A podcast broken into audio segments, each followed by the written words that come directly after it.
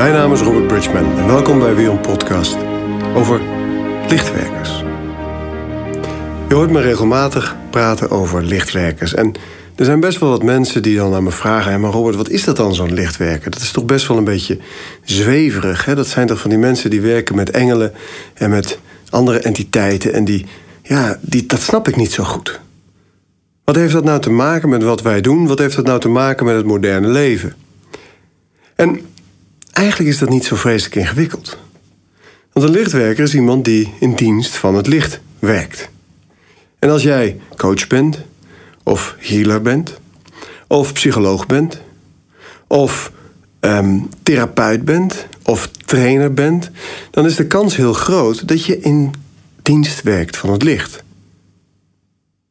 En het is ook goed om te beseffen wat je aan het doen bent en waar die drang die je hebt om mensen te helpen, om mensen te dienen, om mensen te helpen hun stukken te transformeren, om mensen te helpen om gelukkig te zijn, waar die drang vandaan komt.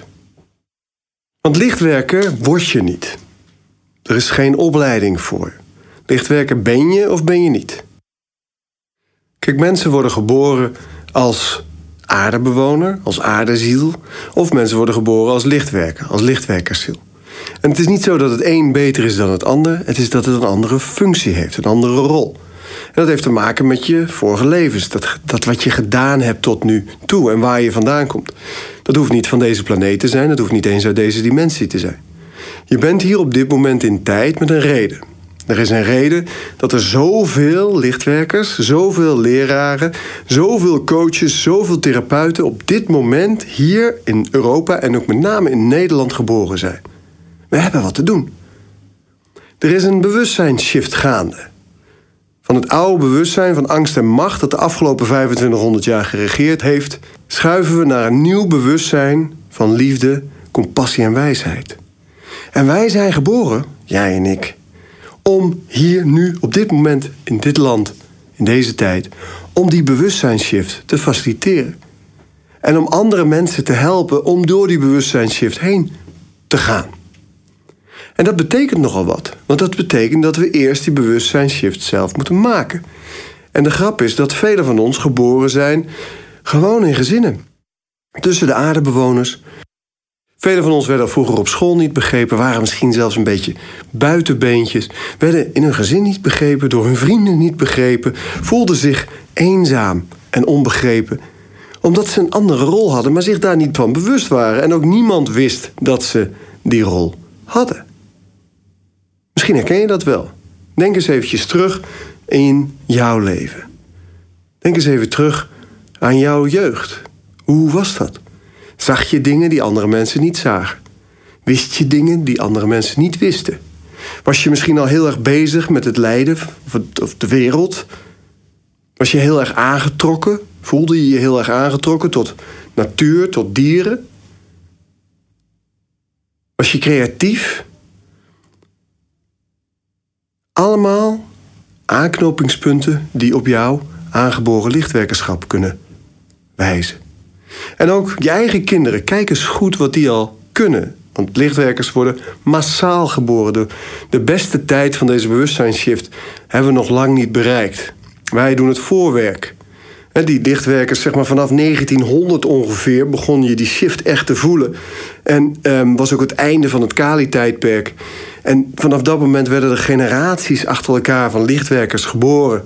Over de hele wereld, maar ook met een hele grote concentratie hier in West-Europa. West-Europa is tenslotte het centrum van de macht. Vertel ik zo nog wat meer over. Maar die lichtwerkers, die worden hier geboren en elke generatie komen er meer bij. Elke generatie zijn ze sensitiever, zijn ze uh, gevoeliger, zijn ze krachtiger. En dat zie je ook aan de kinderen die nu geboren werden, de, worden, de lichtwerker kinderen. Die zijn al lichtjaren verder dan wij waren toen wij als kind ter wereld kwamen. Kortom, we worden continu aangevuld en opgevuld. En denk je, ja, zit er dan een of ander groot plan achter? Is er een architect? Nee. Dit is hetzelfde mechanisme als bijvoorbeeld in een veld, in de natuur, er meer muizen komen, dan komen er automatisch ook meer roofdieren om die muizen op te eten. Die roofdieren die krijgen meer jongen, dus die nesten worden groter, komen er meer uit, leven er meer, komen er meer jongen. En dan gaat die muizenpopulatie weer omlaag. En zo werkt de natuur. En zo is het met ons ook. Op het moment dat die bewustzijnsshift gaande is, dan is het een soort van oorzaak en gevolg, waardoor er op een andere manier geboren werd. Was het dan niet een keuze? Ook. Ligt eraan op welk niveau je het bekijkt. Ergens heb je ervoor gekozen om hier nu te zijn in deze tijd. Ergens is het ook gewoon oorzaak en gevolg op macroniveau. En macroniveau op een heel groot macroniveau. Niet alleen deze planeet, niet alleen dit zonnestelsel, niet alleen de zonnestelsels om dit zonnestelsel heen. Niet alleen deze dimensie, niet maar heel veel dimensies, heel veel universa. En van alle kanten kwamen we hier naartoe. En waarom kozen we dan voor Nederland? Nou, je moet je voorstellen, Nederland is een vlak land. Nederland is een ontwikkeld land. Een van de meest ontwikkelde landen ter wereld. Nederland heeft een gidsrol.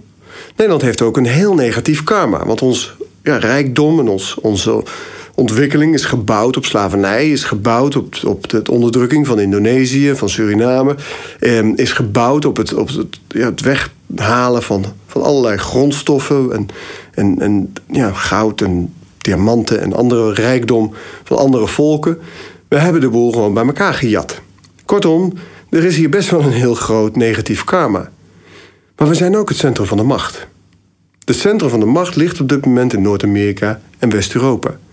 En dat is ook een reden dat er heel veel lichtwerkers in deze contraien geboren werden. En Nederland specifiek heeft gewoon een bijzonder goede infrastructuur. Heeft gewoon een bijzonder goede communicatie. We zitten allemaal op social media. We hebben allemaal internet. We staan allemaal met elkaar in verbinding. Het is een vrij plat land, zowel in land als in een hiërarchie. Daar mag hier veel. Vrijheid van mening, vrijheid van pers. We kunnen alle kanten op. Dus als lichtwerkers is het hier heel makkelijk om met elkaar te communiceren. Het is heel makkelijk om elkaar op te zoeken. Het is heel makkelijk om ons met elkaar te verbinden. Het is heel makkelijk om events te organiseren en samen te komen. En je ziet ook dat steeds meer lichtwerkers, eh, leraren in Nederland dat doen. Je ziet steeds grotere evenementen ontstaan. Je ziet steeds grotere samenkomsten van lichtwerkers ontstaan. Neem, neem de mannen van 365 dagen succesvol. Twee lichtwerkers die enorme hoeveelheden mensen verzamelen. Neem Michael Pilacek, een lichtwerker die hele grote groepen bij elkaar krijgt. En zo zijn er nog veel meer lichtwerkers in Nederland die het doen. En wij verbinden ons met elkaar. En we zijn dus ook steeds meer op zoek naar diepgang. Want we worden wakker, we beseffen dat we iets te doen hebben op deze planeet. Dat we andere mensen te helpen hebben. Dat we um, iets bij willen dragen aan een betere wereld. Maar vervolgens, hoe dan? Want we zijn gewoon geboren in die normale aardemensengezinnen.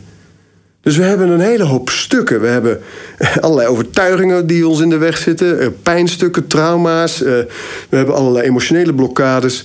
Eh, we hebben ehm, shit van onze familie overgenomen. We zitten met familiekarma. We zitten ook nog met ons eigen karma uit al die vorige levens die we hebben gehad en andere dimensies. Kortom, we zullen eerst zelf moeten opschonen.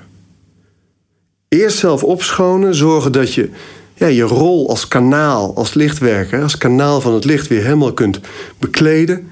En dan vanuit die opschoning de verbinding zoeken met anderen. En in die verbinding ontstaat een enorm krachtveld.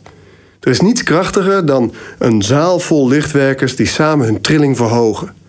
En die trilling die voel je in de wijde omgeving. En die trilling die draagt ook bij aan een versnelde trilling van de aarde en van de mensheid. Want bewustwording heeft ermee te maken dat die ja, collectieve trilling van de hele mensheid en de hele planeet ja, op een hoger niveau gaat trillen. Zodat lagere niveau trillingen verdwijnen. angst, macht, nemen, ego, lage ego. Oorlog, onderdrukking, misbruik, mensenhandel, stropen. Allemaal hele lage frequentieactiviteiten en gebeurtenissen.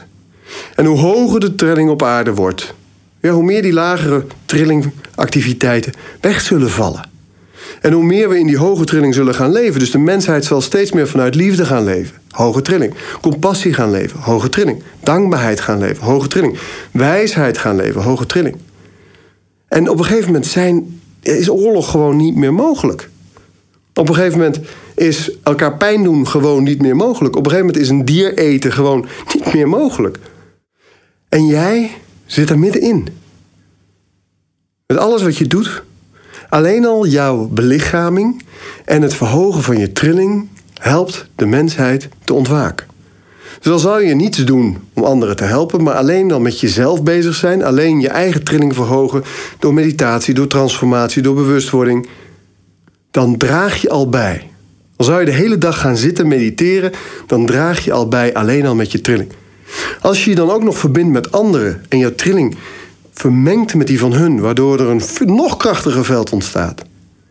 En als je dan ook nog vanuit dat veld actief aan de slag gaat om mensen te helpen ontwaken, om daar waar echt lage trilling, pijn en lijden is, een oplossing te bieden, een verschil te maken, ja, dan doe je waar je voor kwam.